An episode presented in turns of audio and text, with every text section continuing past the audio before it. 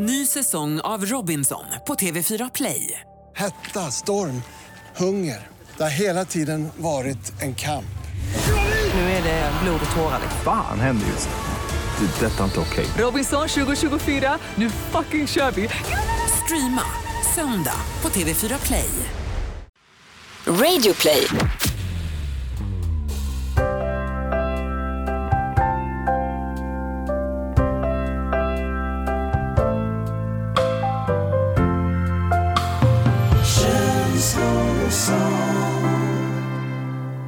Varmt välkommen till ännu ett avsnitt av Känslor och sånt eh, med eh, dina favoritkillar, får man säga så? Mm, Niklas och Kallis. Vi sitter här i ditt, eh, i ditt kök. Ja. Återigen. Hemma hos-avsnitt eh, har ju blivit eh, både bekvämt och vi har också faktiskt fått flera mejl från lyssnare som tycker att det känns mysigt att vi sänder lite hemifrån. Visserligen på bekostnad av våra berömda freestyles. Men de kommer ju komma tillbaka. Men just nu så lutar vi oss tillbaka. För nu är vi framme vid avsnitt 73. Wow. Och det var ju fotboll. Ja, Det var ju bragd! det var ju bragd och det är, eh, nu när det här avsnittet har släppts så har det ju gått ungefär en vecka sedan bragden i Milano. eh, men vi, vi kan liksom inte, vi, vi brukar inte att kanske gå in så jättemycket på saker som hänt i typ nutid. Men det här, det är ju en hjärtefråga för oss, fotboll. Och eh, vi måste ju bara kommentera vad, vad vi gjorde och vad vi var. Särskilt i och med att jag aldrig har haft så mycket känslor kring en fotbollsmatch i hela mitt liv tror jag. Ventura sitter på en stol och tittar inte på. Här kommer hörnan in. Fem sekunder kvar. In i straffområdet. Kiese till nickar undan. Skott Bernadeschi. Påtäckande svenska till Chiellini som är offside. Han är offside. Då har fem minuter gått och matchen är slut! Det är klart! Sverige ska spela VM i Ryssland! Sverige ska spela VM i Ryssland! Hej Moskva! Hej ryska björnar och Transsibiriska järnvägen! Hej tung industri och vackra floder! Hej hopp i full galopp mot det stora och mäktiga mästerskapet! Vi åker med Jannes gäng, de som gör tigrar av sniglar, juveler av grus och verklighet av drömmar. Hej, hej, hej, hej, hej VM! Sverige har ju då, eh, herrlandslaget har ju spelat eh, VM-kval under ett helt år ungefär.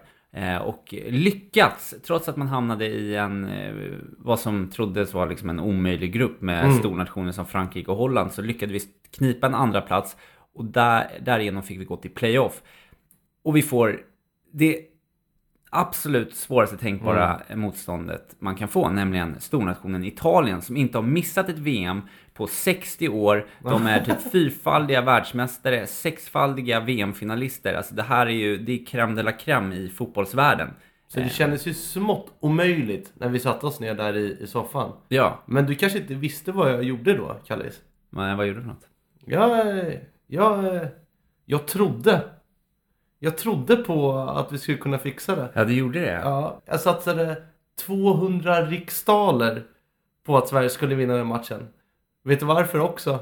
Därför att jag skulle blivit rik om Ja. det gick in. Det skulle Ja. varit nio gånger pengarna om Sverige vann. Nu vann de ju inte matchen, Nej. men de spelade likväl oavgjort och i och med att de i eh, det första playoff-mötet hade fått in en balja genom att eh, brunka-killen Jakob Johansson, som man aldrig hört talas om egentligen innan, satte liksom ett, ett mål.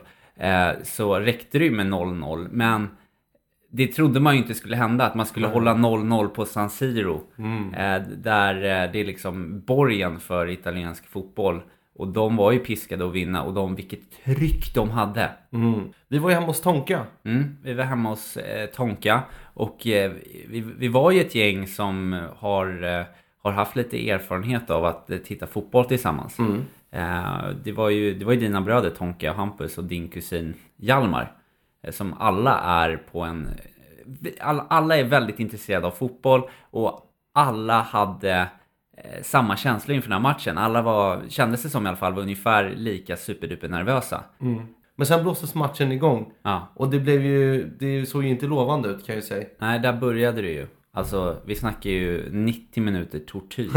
För det man förstod redan från start egentligen var ju det att eh, Sverige kommer inte ha en syl i vädret. Sverige kommer inte ha ett anfall. Utan vi var tillbaka pressade något till det milda grad. Och det handlade om liv och död. Och där satt vi allihopa eh, i, i Tonkas lilla gössbunker. Och det stank av pizzaos, fjärtar och kallsvett eh, som samlades som ett, ett moln. Och vi satt där och vi kvev och vi skrek. Och eh, till slut då, trots alla odds, så klarade vi att hålla emot. Den svenska muren höll och Italien fick inte hål på oss och vi gick till VM! Tack Sverige! Tack! Kommer du ihåg när, när man var liten och man lirade fotboll så var det ju alltid så här att man sa att man var någon. Mm. Alltså, kolla på, kolla på mig, nu är jag Ronaldo. Eller nu är jag, ja men då så höll man ju på sådär. Jag är, eh, jag är Francesco Dunga. Totti. Ja precis, han var ju klassiker. Ja. Men så här, om, om vi skulle kolla på svenska landslaget här nu. Och du skulle säga vem jag var. Ja. Vem skulle jag vara då? Eh, oj.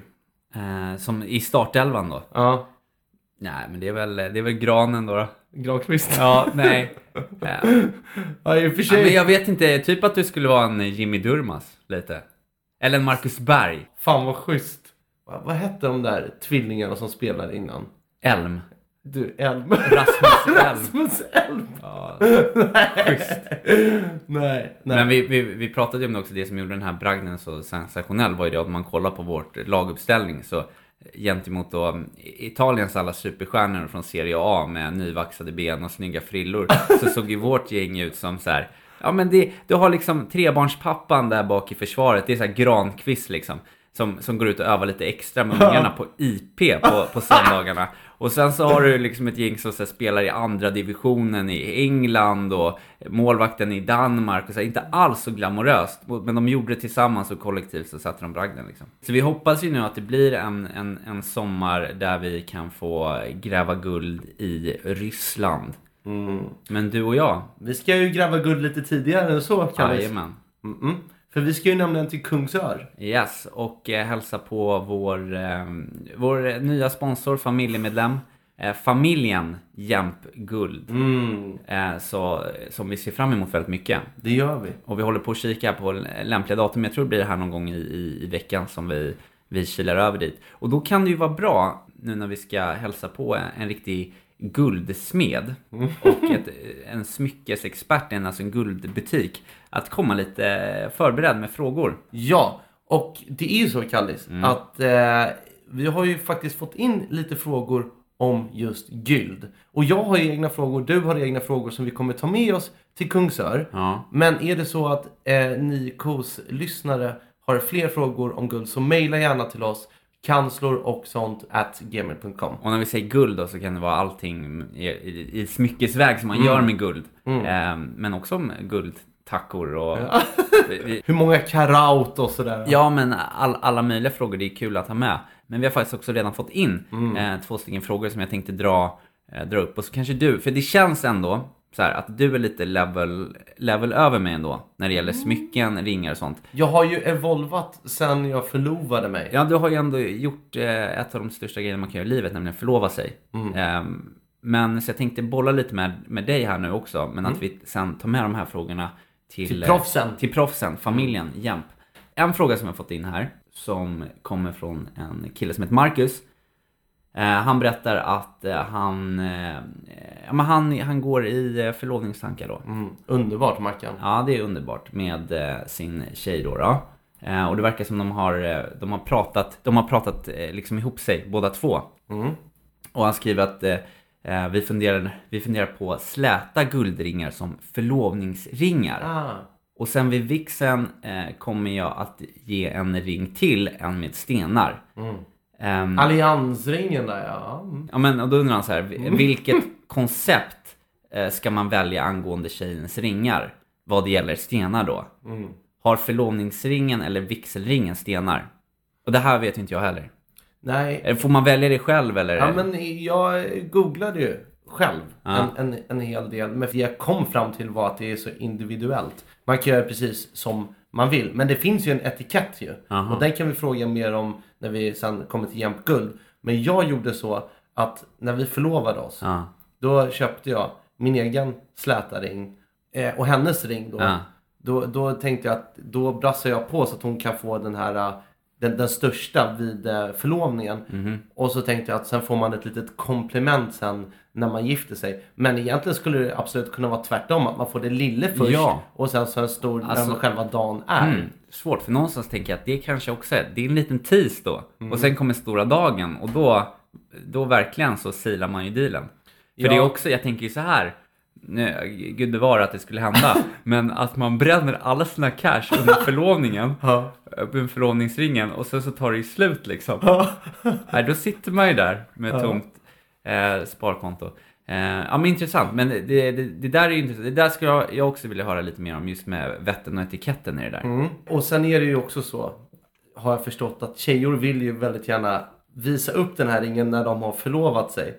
Och då vill man ju inte att de ska behöva stå där med en liten liten fattig miniring utan då vill man ju att de ska vara så här stolta. Så här, för man vill komma till sina tjejer. Jo, men det här är ju så kul också. Därför att jag vet ju, jag har ju faktiskt polare som har gjort så att i och med att de inte riktigt vet vad tjejen vill ha för typ av ring. Så har de tagit och köpt en riktigt fattig plastring från början. För att sen gå tillsammans med, med sin partner och, eh, och köpa en riktig eh, förlovningsring. Men det här är ju som sagt, det är så olika. Men vi ska ta upp det här med jämnt Ja, och hur man luskar reda på det också. Mm. Det undrar jag, för det, det går lite in på vår andra fråga här. Eh, som vi har fått från en annan kille som heter Peter. Eh, han skriver att jag har länge funderat på att fria till min underbara sambo. Härligt. Eh, hur ska jag veta vilken st- storlek hon har på sitt finger? Låt eh, mig få ta den här Kallis. Det är inte som att man kollar i sk- skon och bara, ja, du har storlek 43 liksom. Och det är ju lite svårt att göra det med hennes övriga ringar då hemma också. För där står det väl oftast inte storleken antar jag eh, i ringarna. Men det man kan göra som jag gjorde. Man hugger av fingret. Man hugger av fingret. Tar med sig ungefär den här storleken. Nej men jag gjorde en grej som faktiskt funkade ganska bra. För att det blev ändå en överraskning trots att hon egentligen var med när vi provade ringar. Och det var att vi testade att bara gå in i en guldbutik för att det var lite romantiskt och trevligt. Och man, man ska ju drömma. Man ska ju prata om framtiden när man är par. Så jag gjorde det med Elif. Jag tog med henne in till en guldbutik och så kollade vi bara lite på kul. Och då när man kollar lite på kul och testar ringar så måste ju eh, expediten i affären veta vad eh, vi har för storlekar på våra fingrar så att vi kan testa de olika ringarna. Och då tar ju den här eh, expediten fram ett, ett, ett gäng som en stor fängelsenyckelknippa fast med ringstorlekar som eh, han eller hon testar på, på en. Aha. Eh, och sen då när eh, jag, det här var ju för några, något år sedan då, fick reda på att okej, han sa att Elif har 52 i storlek. Okej. Eller så här. Då skrev jag eh, ner det lite, lite fräckt på mobilen sådär. Sen var inte vi inne i någon mer eh, guldaffär på ganska länge. Men då visste jag ungefär vad Elif gillar för typ av design. Jag, gillar, jag visste hennes eh, storlek. Och sen när hon, som minst anade typ något år senare. Då kom ringen och då visste jag ju liksom. Okej, så att eh, ditt tips är alltså att vara ute i god tid och göra det liksom... Lite på kul. lite Gör på som kul, ett äventyr. Ja. Men ändå så att det, man har tillräckligt mycket tid så att hon ska glömma bort och inte gå och tro att det Precis. ska hända. Och då är det ju ett bra tips till er som, som vill göra det att ni faktiskt eh, antingen åker och besöker våra kompisar Jämt Guld i deras fysiska butik på Kungsör. För de kommer ta emot er med öppna armar och eh, hälsa från känslor och sånt. Så, så, så kommer de verkligen ta hand om er. Eller att man bara går in och eh, kollar på deras hemsida. www.jämtguld.se och, eh, och så finns det ju kontaktuppgifter där och så. Eh, Så hör av er till dem om ni har några frågor. Eller hör av er till mig och Niklas så tar vi med era frågor. Miljarder tack, jämt guld. Men du Niklas, på tal om förlovningsringar och kyrkklockor och eh, livets häftigaste dag. Eh, hur går det nu? Det är ju fasiken inte långt kvar innan du ska bli en äkta man. Nej, det är ju typ tre veckor kvar. Uff. Jag ska få en hustru. Gud, shit vad vuxet alltså. Redan där kommer man upp 30 år i ålder. Kommer, ni, ja, kommer du börja säga det då? Det är väl det man gör då antar jag? Min fru?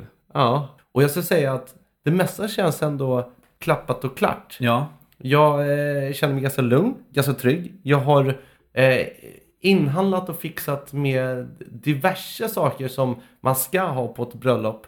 Ehm, så egentligen sitter vi nu i, sluttampen och, styr med detaljerna. Men man kan ju säga för att eh, trots att du är ehm, kändis och artist och sådär eh, så har du inte använt dig av någon extern bröllopsplanerare som är eh, väldigt vanligt nu för tiden. Utan du kan faktiskt sätta den tiden på ditt CV själv nu. För du har jäklar vad du har styrt upp och... Med moodboards. Ja. Ja, men jag och Elif har faktiskt gjort ett, ett jävla arbete trots så att Elif är eh, gravid. Men jag tycker att det har varit en mysig grej att göra tillsammans. Mm. Det var mysigt att, att tillsammans göra de här inbjudningskorten som vi gjorde för hand med guldstämplar och embossingpulver och skit. Så vi vi har kompletterat varandra bra. Mm. Därför att jag, jag drar ju lätt väg i både ekonomi och Ja. fantasi.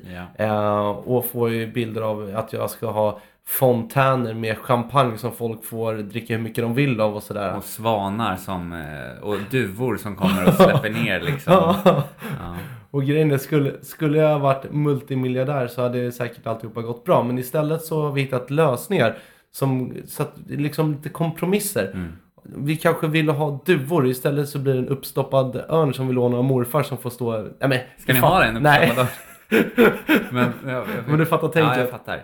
Det är väl lite, är det inte lite som att eh, man, eh, man, man gör en hemmafest och så gör man den så bra Ja, man kan utifrån sina exakt. medel liksom. Och, och det har ju både varit jobbigt men också lite härligt att göra detta själv. För man känner sig lite stolt, Mm. som en topp. Därför att på må- många andra bröllop brukar det vara så att man betalar per kuvert. Kallas det för. Per kuvert. Alltså man, eh, man betalar en summa till en restaurang eller ett slott eller en herrgård. Som, som säger att okej, ni får ha bröllopet här. Ni betalar 2000 per person eller 1 5 eh, Så löser vi det här och det här och det här. Mm. Ehm, och så får ni betala extra för dryckespaket och sånt där. Mm.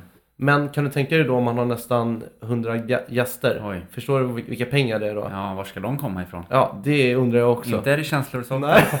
Inte än i alla fall. inte än. Men, men då får man ju trixa och dona själv och då blir det mycket mer personligt eh, så också kan jag tycka. Ja. Det som vi har kvar då Mm. att, att göra det är att hämta upp eh, lite Wish-saker. För vi har ju köpt en hel del grejer på Wish. Vi är inte sponsrade av dem. Aha. Men det är ju, det är ju en internetsajt där man kan köpa billiga saker från Kina. Ja, okej. Ehm, och, och där, det är ju lite så här lömskt. Därför att där har man liksom ingen kundtjänst direkt att ringa. Så man hoppas ju att saker och ting ska komma Ja. fram i tid. Ja. Så det är väl den lilla oron som ligger. Ja. Sen är det en annan sak också. Det är att vi har eh, träffat prällen nu. För vi ska, ju, vi ska gifta oss i kyrkan. Och mamma blir ju jätteglad för det såklart. Berättade du för prästen om din svensexa då? att, vi, att vi hade sektliknande och jag fick offra mig själv och bränna mig själv på... Nej fy fan, hon skulle, hon skulle bli likblek om jag började snacka om det. Däremot så var det ju lite svårt att berätta för henne att vi inte är troende men ändå ska viga oss i kyrkan. Okej, men det är ju- frågar de det? Är du, är du, är ni troende? Nej men det, det blir ju så Det blir ju så att man någon gång kommer dit i samtalet med prästen ändå. Därför hon frågar ju om för dels liksom vår eh, relation och hur vi träffades och sånt. Så hon ska ha lite kött på benen. Hon berättar om oss i kyrkan. Mm. Men sen kommer man in då på psalmerna. Psalmerna. Och Marcus evangeliet Ja. eller Matteus. och eh, då ska man bestämma det. Och jag och Elif har ju suttit hemma. Och, och jag ska säga också att anledningen till att vi faktiskt ska gifta oss i kyrkan är för att är man med i Svenska kyrkan och har betalat eh, skatt under åren man har jobbat. Då får man gratis bröllop med gratis präst. Och det är ju det är fantastiskt. Och dessutom tycker vi att det känns så himla högtidligt och fint Ja, att vara i kyrkan. Det känns på riktigt. Så Ja. för oss var valet självklart att vara där. Men då när hon, eh, prästen då börjar fråga oss om vad vill vi sjunga för salmer? Då Du blir bara, vi Michael Jackson. Ja, Kan vi köra den? Heal the world. Då sa jag faktiskt så här till henne att ja men så här, vi, om vi måste sjunga salmer Mm. så vore det ju nice om man kunde så här, trycka på lite mer på kärlek än Mm. bara tro på Gud liksom. Vi vill gärna att det ska handla om oss. Så sa hon, jaha. Men då ska jag fundera lite så kan jag skicka er eh, några alternativ. Mm. Och bara fan vad schysst tänkte jag. Slipper jag kolla igenom psalmboken själv. Ja. Eh, och då fick jag ett, ett jättegulligt sms här av Ja. henne. Eh, som, ja, det är en, det är en, eh, en kvinnlig präst. det är en kvinnlig präst. Nice. Ung också, så Ja. man kan vibba med henne liksom. Okej. Och då fick jag då en, ett MMS här då med en bild på en psalm som hon tycker skulle passa jättebra för oss. Sa- Psalm 903. Jag tror att Gud är kärleken. Så, hon har typ så missuppfattat det här lite.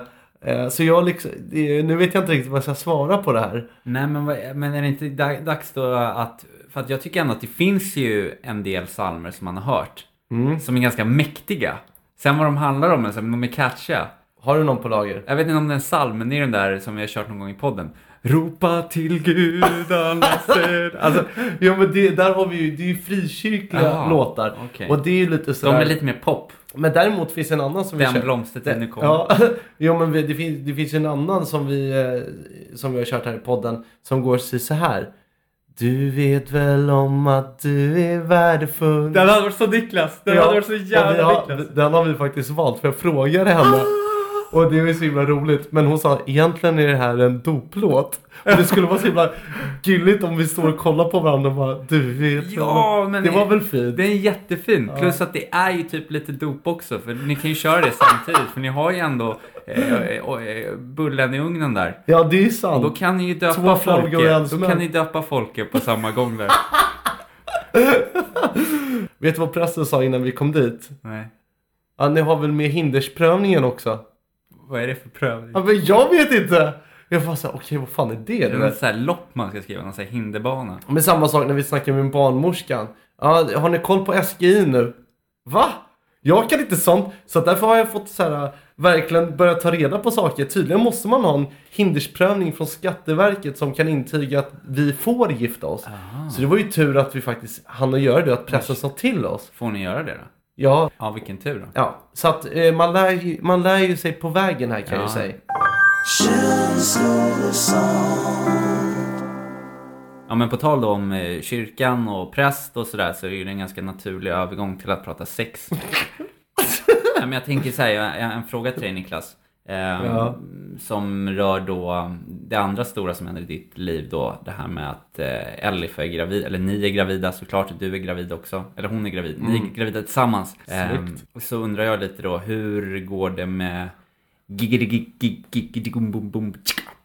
det boom shakalak liksom. Eller alltså jag bara undrar så här, vad händer? Vadå? Du menar hur gör man? Hur, ja, men hur gör man det ens? Hur gör man och ja, vad, Ah, vad sker? Det där är ju så olika. Du vet att jag har pratat med, eh, med massor av eh, mina vänner nu som börjar, eh, ja men har fått barn eller har barn på gång så att säga.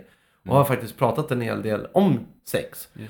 Och det är många eh, av mina vänner då, manliga vänner som säger att eh, Ja men de tycker att det är lite weird att ha sex. Mm. De tycker att det känns inte så tändande när de med vetskapen av att ett barn ligger i det. Och där ska man vara naken och gössla in liksom Ja. samtidigt som kanske en liten unge sparkar där. Ja, jag fattar. Och lever rövar med Ja, minidisco. Just det. Att, att det, blir, det är ju lite, det är väldigt speciellt och annorlunda. Ja.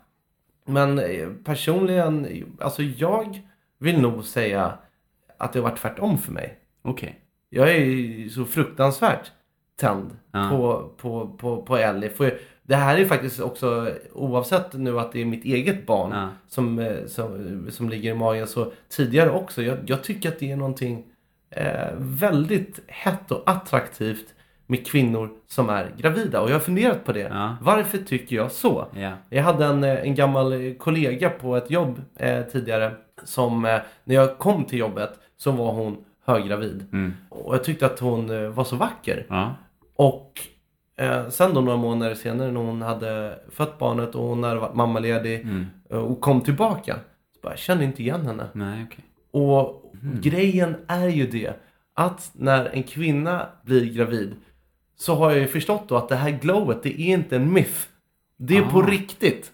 Okej, det, är- det, är- det är välkända gravidglowet. Ja! Ja. Och jag vill säga, typ när jag ser på min älskade Elif här nu. Alltså det är fruktbarhet som lyser. Jag tycker det är sexigt. Hon glöder och glowar liksom. Ja, och det är ju fantastiskt att, att kvinnokroppen funkar som den gör. Att helt plötsligt, från att man har snuskats lite, Mm. så helt plötsligt så föds en ny människa. Och man ser ju på henne att hela hon liksom lyser Mm. av liv. Så jag vet inte, jag tycker att det, jag personligen tycker att det är superattraktivt. Så därför har sex eh, inte varit något problem för mig. Däremot så, i och med att det händer så mycket för kvinnor som är gravida, så blir det ju kanske lite svårt för dem att känna lust alltid. Och egentligen är det väl det mest naturliga att känna så, för det man ofta inte tänker är ju det att när man tänker på sex så tänker man ju på sex som något så här skönt och njutning. Men grunden i sex är ju att det ska bli ett barn. Exakt. Att man ska eh, då, befrukta och befruktas. Det är ju det som sex liksom i grund och botten Ja. ändå handlar om. Så att, eh, ja, eh, men jag, jag, jag förstår vad du menar. Men det, det, vi har ju eh, fått lite hjälpmedel. Ja, för att eh, nu när vi är inne och snackar på sex så är det som du säger, vi har ju fått hjälpmedel. Fick en hel låda med roliga och eh, häftiga eh, sexleksaker hemskickade till oss från Lustens Oas. Oj, oj, oj. Eh, och det här har ju vi då tagit på oss att vi vill, ja men vi, ska testa, vi har ju testat och kommer att testa här nu under den här perioden, lite olika eh, sexleksaker. Eh, I förra veckan så testade vi, var det lite tema vibratorer. Mm, jag testade en, en rabbit, en, en, eh, liten gullig eh, pungringskanin. Ja, Den var jättegössig. Och jag testade någonting som hette typ The Magic Wand som också var en slags eh, ja, men vibrator eh, Stav. stav eh, som var båda så här eh, härliga, kul komplement liksom. Och spännande. Den här veckan så har vi ju testat lite mera, vad ska man säga, eh, lustförhöjande eh, Medel. hjälpmedel. Och jag har ju då testat, lyssna på det här. Vem det låter som en, eh, en verktygsbutik typ. Ja. Eller som ett eh, bemanningsföretag. Mr Power! Gud. Mr Power alltså, det är, jag fick då två stycken dundertabletter. Eh, som då ska hjälpa till lite med, eh, ja men lusten liksom. Och på beskrivningen så stod det så här, du kommer inte gå runt med ett praktstånd som man Stod det praktstånd? Ja, de hade skrivit det till oss. Du kommer inte gå runt med ett praktstånd som man gör efter man kanske har eh, käkat såna här, vad heter de? Blå tabletter. Blå tabletter, Viagra. Men du kommer känna att det liksom pirrar till lite mer i kroppen, att man blir lite mer taggad. Och eh, det här tyckte jag ju passade bra för mig. Därför, eh, mycket för att eh, jag som familjen eh, vet om att jag inte varit på topp här senaste ja, månaderna. Mm, På botten botten skulle jag säga. Ja, ganska jobbigt faktiskt med eh, utmattnings ehm. Det som jag har förstått nu i efterhand, men som jag inte riktigt hade koll på innan, är att de, liksom första, ett av de första symptomen, om du är stressad eller börjar känna, eller sy- symptomen är att sexlusten går ner i botten. Och det gjorde det även för mig. Och det var ju jävla jobbigt när, som jag, är en ganska ny relation. Och känna att, ja men jag är inte taggad, jag är inte taggad på något. För det var ju någonting som jag tyckte var jobbigt först. Okej, betyder det här att jag inte är taggad på min tjej? Men jag... Får jag fråga? Ja. Alltså, kunde du ha sex med dig själv? Nej, typ inte. Alltså, Shit alltså. alltså vi- ingenting i princip. Det, bara, det bara fanns inte där. Eh, och sen så nu under tiden jag har varit liksom på timeout så har det, det liksom successivt kommit tillbaka. Precis som det successivt försvann.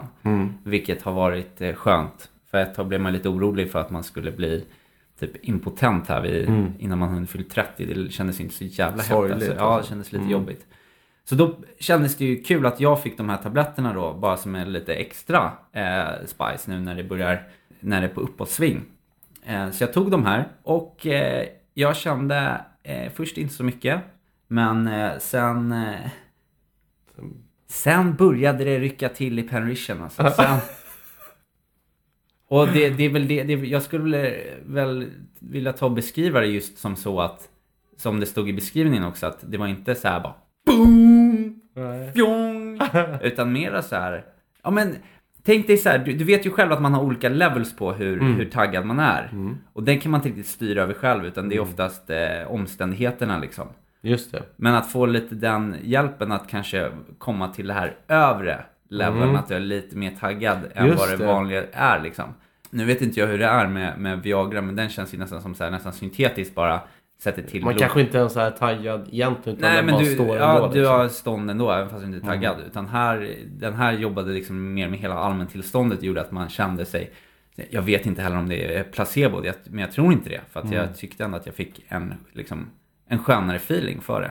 Eh, så att jag kan verkligen rekommendera de här eh, tabletterna alltså, eh, Mr Power. Shit vad Och gött. till det ska jag säga också att jag testade ett, ett glidmedel. Det var nice. Man ska inte ta för mycket bara, för att det behövs inte så mycket. Kan jag Nej, säga. det är drygt. Ja, det är drygt. Fan vad härligt. Mm, så det, det testade jag och tyckte det var Mm. super. Ja, och själv fick jag då eh, använda någonting som, som jag har varit väldigt nyfiken på. Eh, nämligen en penisring. Mm. Och jag har ju liksom... På tal om ringar och sånt. Ja.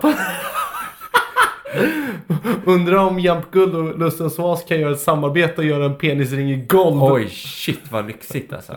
Det skulle sälja. Men jag kommer ihåg där när jag var, jag var ju på en, en, en tågluff tillsammans med några polare och vi åkte till nakenstaden Cap d'Agde i Frankrike. En nakenstad. Ja, det är. Det, Alla det, går runt nakna där. Ja, alltså det är en nudiststad i miniformat. Det ligger precis i stranden. Inhägnat. Jag tror att jag har berättat om det i podden också någon gång. Eh, när, och så fort vi klev in innanför muren så var det kläder av. Det var vakter som sa till oss att men här får inte ni gå längre om inte ni tar av er kläderna. Så det enda jag hade på mig var mina sandaler, ett par strumpor och en magväska. Sen så hängde och dinglade lill Charlie bäst den ville och det var fantastiskt. Men grejen är också då att jag tyckte att alltihopa blev så otroligt eh, avsexualiserat när alla var nakna.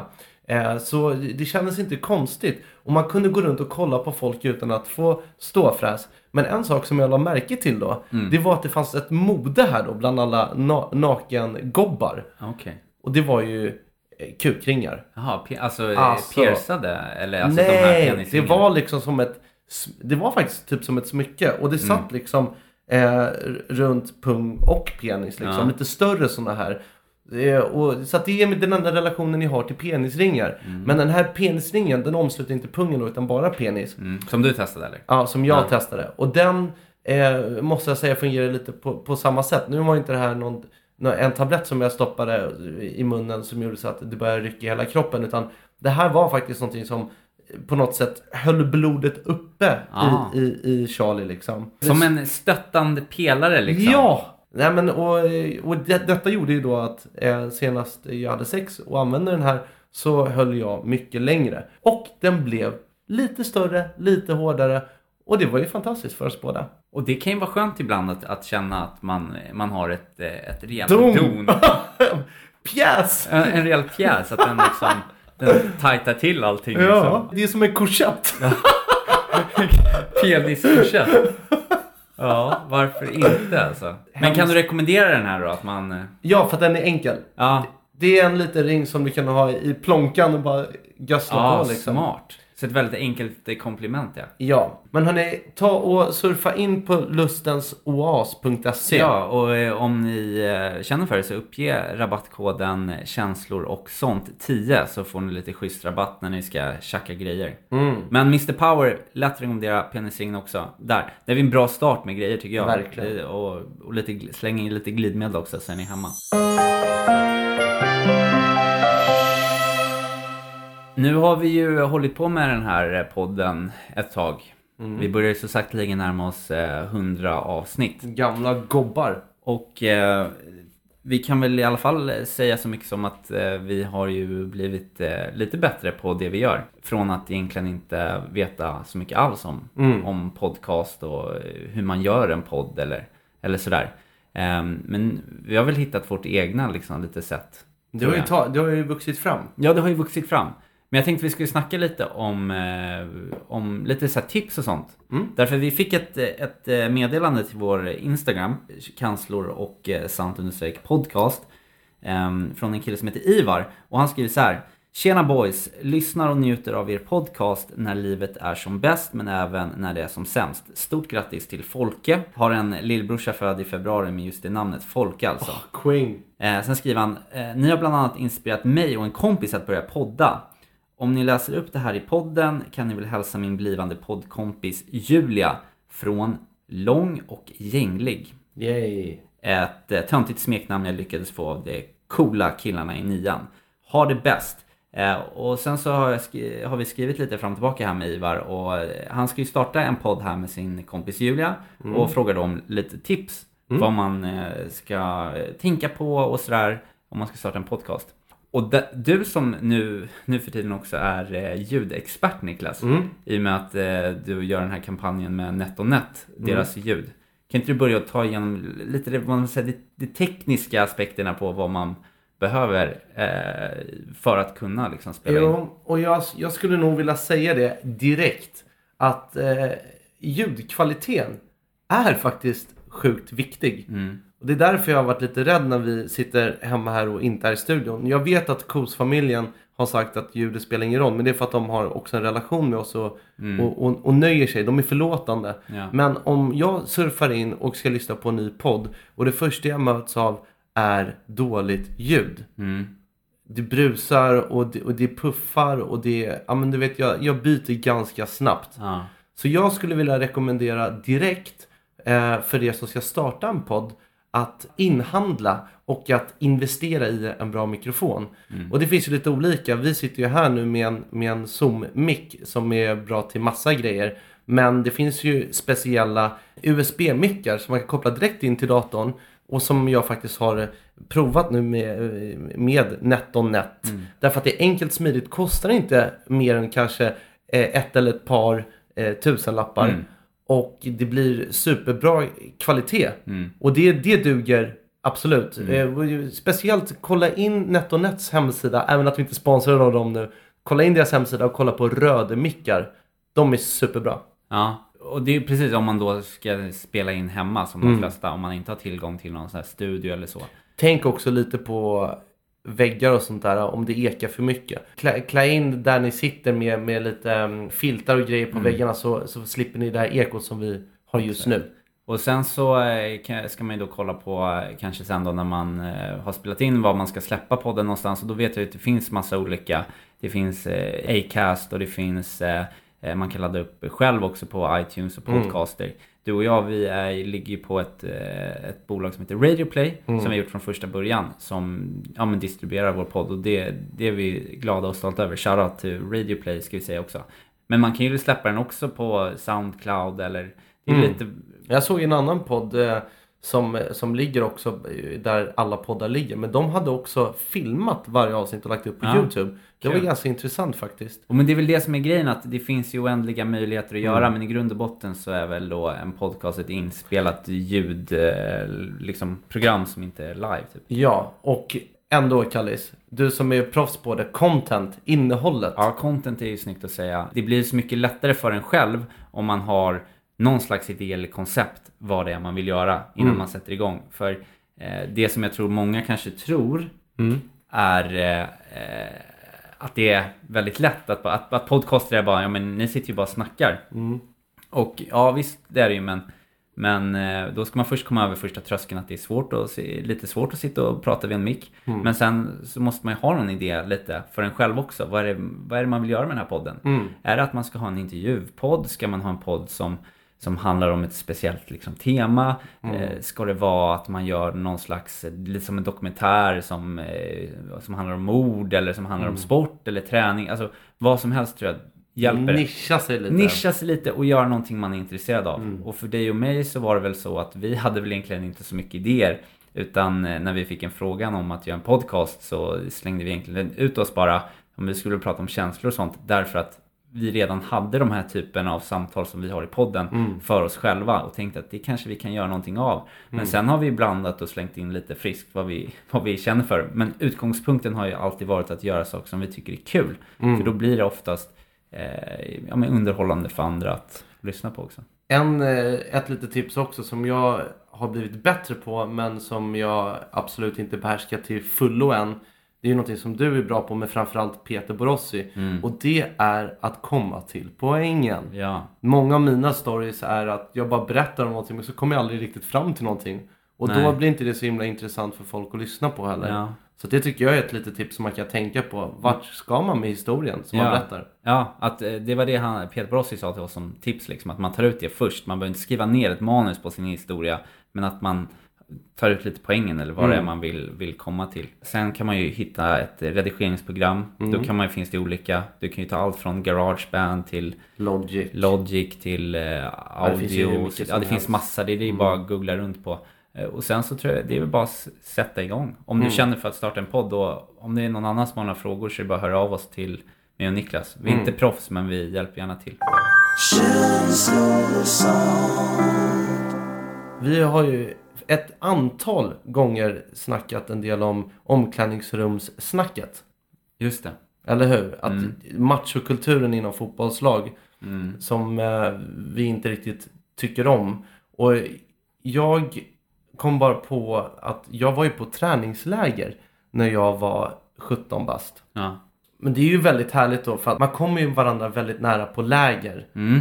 Men det är oftast på bekostnad Ja. av någon annan. I grupper generellt. I grupper Ja, generellt. brukar det och, det ble, och det blev väldigt tydligt då när vi var på träningsläger med fotbollslag i Danmark. Mm. Jag var den killen som ställde mig in i ledet. Mm. Jag försökte bara vara alla till lags, alla de äldre och sånt där. Men det var ju sådana sjuka saker som hände där mot de som inte riktigt ställde sig i ledet. Jag, kom, jag minns att vi hade en kille som hade långt hår och som var fantastiskt duktig fotbollsspelare.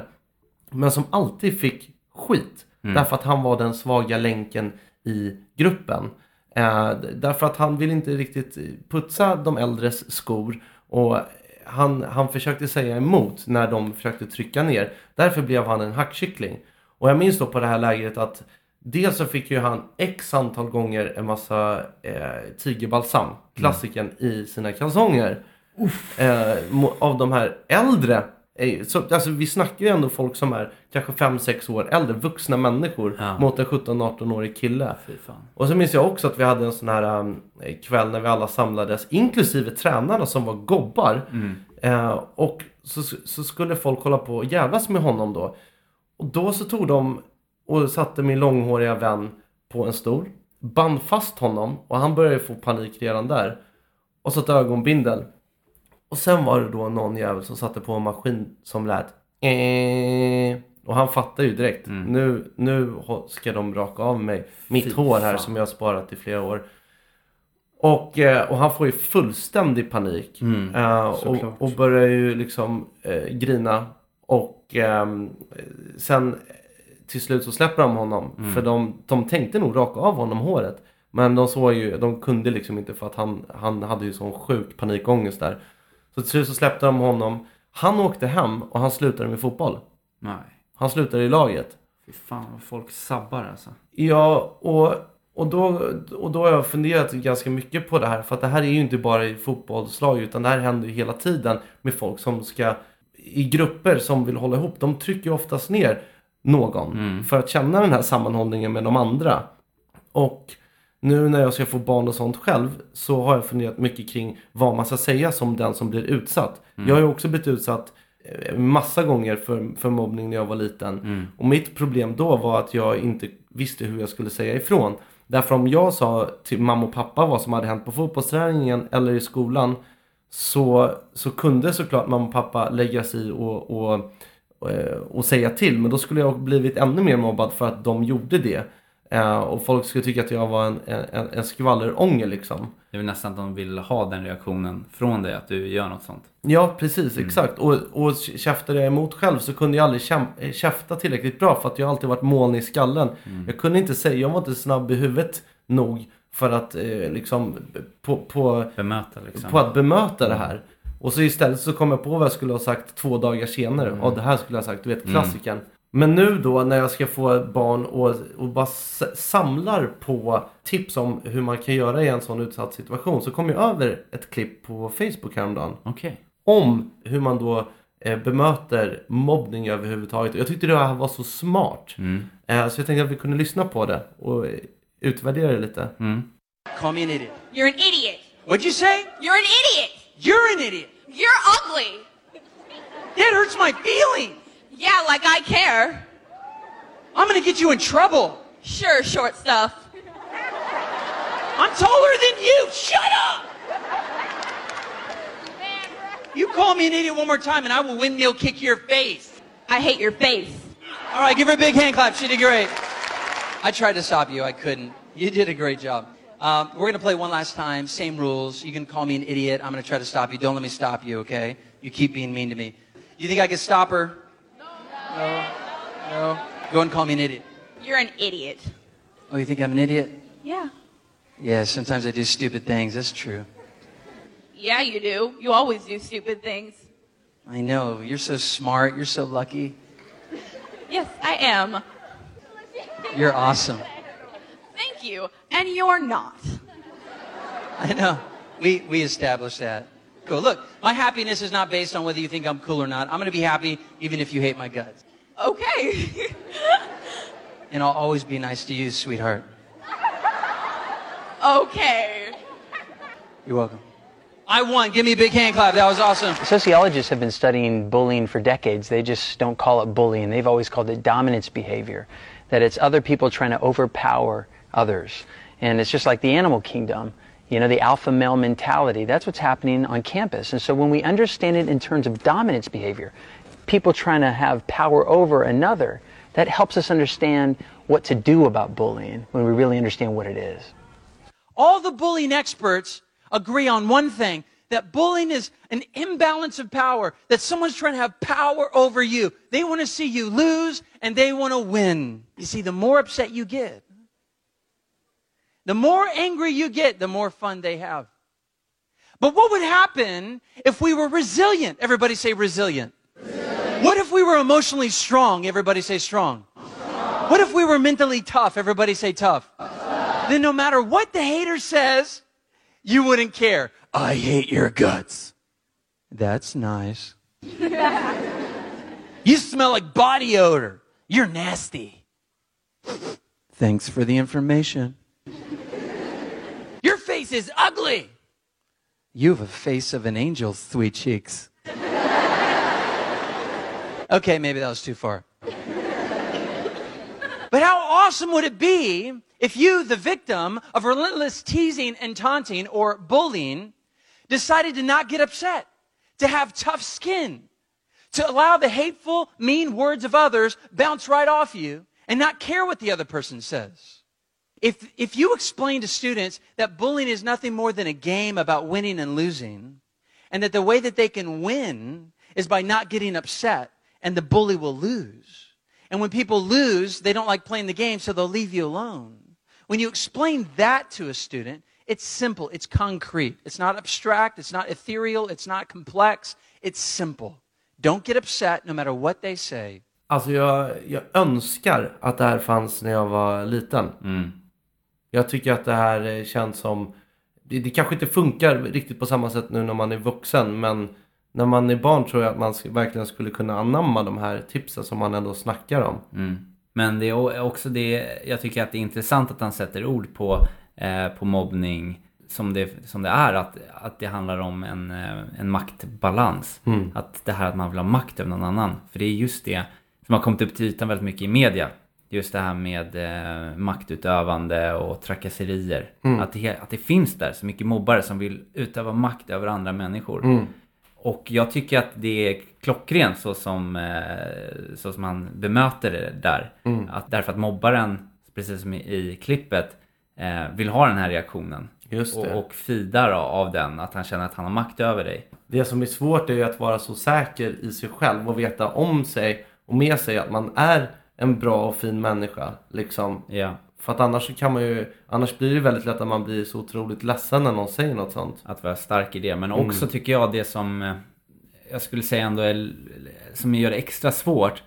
Eh, särskilt när man blir lite äldre och det kanske inte är samma så här skolgårdssnack. Mm. du är ful eller du Nej, är tönt. Är ju att mobbning, speciellt på arbetsplatser och när man blir äldre, är så mycket mer subtil. Mm. Så att ibland är det svårt ens att veta utan du bara har en känsla av att du är utfryst. Det är så små subtila saker som ändå eh, ger dig som blir utsatt en massa jobbiga känslor och får dig att må dåligt. Ja, mobbningen blir mycket mer avancerad vilket gör också att det blir väldigt svårt att säga ifrån. Mm. Därför att personerna som mobbar dig då när du, när du är vuxen liksom. Mm. Det, det går liksom inte riktigt att ta på vad de egentligen gör. Nej, ja, det kan vara svårt att då sätta emot med liksom rätt medel. Mm. Men jag, jag, jag tänker att eh, vi behöver eh, ja, men lite hjälp i det här. Mm. Att, att eh, reda ut det och eh, mannen som vi känner att vi kan vända oss till med allt är ju vår gode vän eh, Peter Borossi. Åh. Så jag tänker, vi kan väl eh, fråga honom, jag slänger iväg ett mess nu Mm. och säga att vi pratar lite om det här med, med mobbing och vad, om han har någon erfarenhet från det och kan han kanske knyta ihop påsen lite där eller Mm. komma med sin input för det gör han alltid så himla bra. Mm. Så vi lutar oss tillbaka nu hos familjen, tar två djupa och njuter av ännu en lugn stund med Peter Borossi. En lugn stund med Peter Borossi. Har tänkt på en sak. Det har jag. På det där med mobbing. Vad är mobbing egentligen? Är det det som jag råkade ut för när jag var barn? Det vill säga att det kommer en liten kille med en annan dialekt till en klass och sticker ut. Och kanske inte lika fräck som alla andra är i den där storstaden där han kom till. Att man är annorlunda. Att man ser annorlunda ut. Att man beter sig lite annorlunda än alla andra gör. Är det anledningen till att man mobbar någon egentligen? I skolan så hängde de upp mig mot en vägg och kastade dartpilar på mig. Och jag kom hem med blodiga kläder till min mamma men vågade inte tala om vad jag hade råkat ut för. Det kanske är den värsta formen av mobbing. Det är den som leder till att en del ungdomar tror jag tar livet av sig för att de orkar inte med själva smärtan. För mig var det outhärdligt. Men samtidigt så gav mig det också möjligheten till en revansch när jag plötsligt en dag i skolan visade att jag var duktig på en sak, nämligen på idrott. Efteråt så har många kommit fram till mig från mina gamla, mina gamla skolklasser och bett om ursäkt. Bland annat en kille som var en av de värsta mobbarna. Han kom fram till mig en dag när vi hade återförening med klassen och så sa han, men du Peter, jag vill be om ursäkt. Jag jobbar med barn idag och jag förstår hur elaka och dumma vi var mot dig. Kan du någonsin förlåta mig? Och jag vet inte om man kan förlåta, men man kan försöka förstå. Men det jag inte förstår, det är hur vuxna kan mobba varandra på arbetsplatser. Varför? Istället för att se det goda hos alla människor. Försöka förstå och försöka förstå olikheter. För det var en klok person som sa till mig en gång när jag jobbade på en bank. Vet du vad? Det är olikheterna som förändrar och förbättrar. Tänk på det. Behandla alla människor med respekt.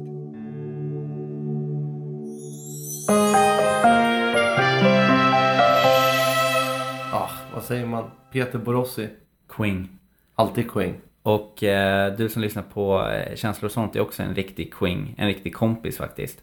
Och eh, är det första gången, eh, första avsnittet du lyssnar på idag så eh, varmt välkommen till KOS-familjen. Mm. Lyssna gärna igenom alla avsnitt från, från början. För att det är en himla härlig resa eh, som vi har fått göra tillsammans med dig som lyssnar.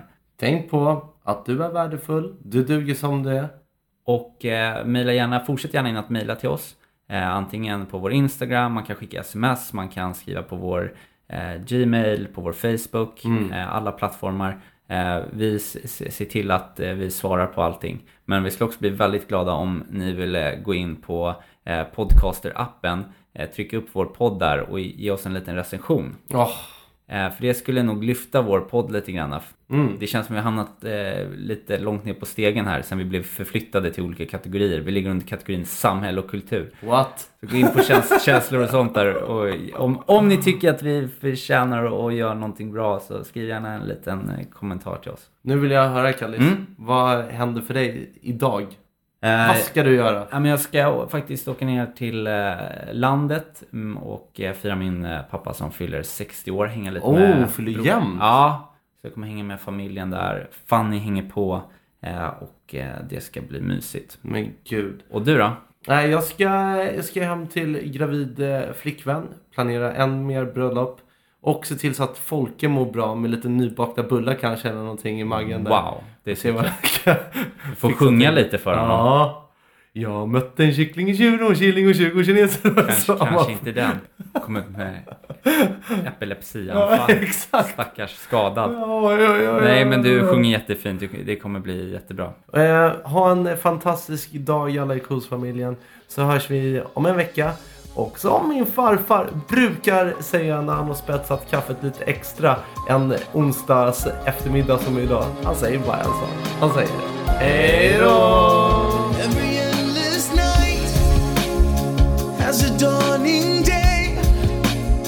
Every darkest sky has a shining ray, and it shines on you. Baby, can't you see?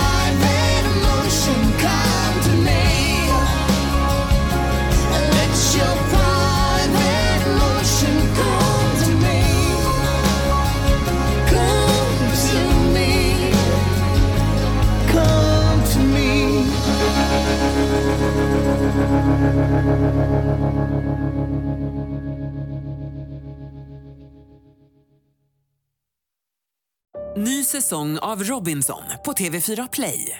Hetta, storm, hunger. Det har hela tiden varit en kamp. Nu är det blod och tårar. Vad fan händer just nu? Det. detta är inte okej. Okay. Robinson 2024, nu fucking kör vi! Streama, söndag, på TV4 Play.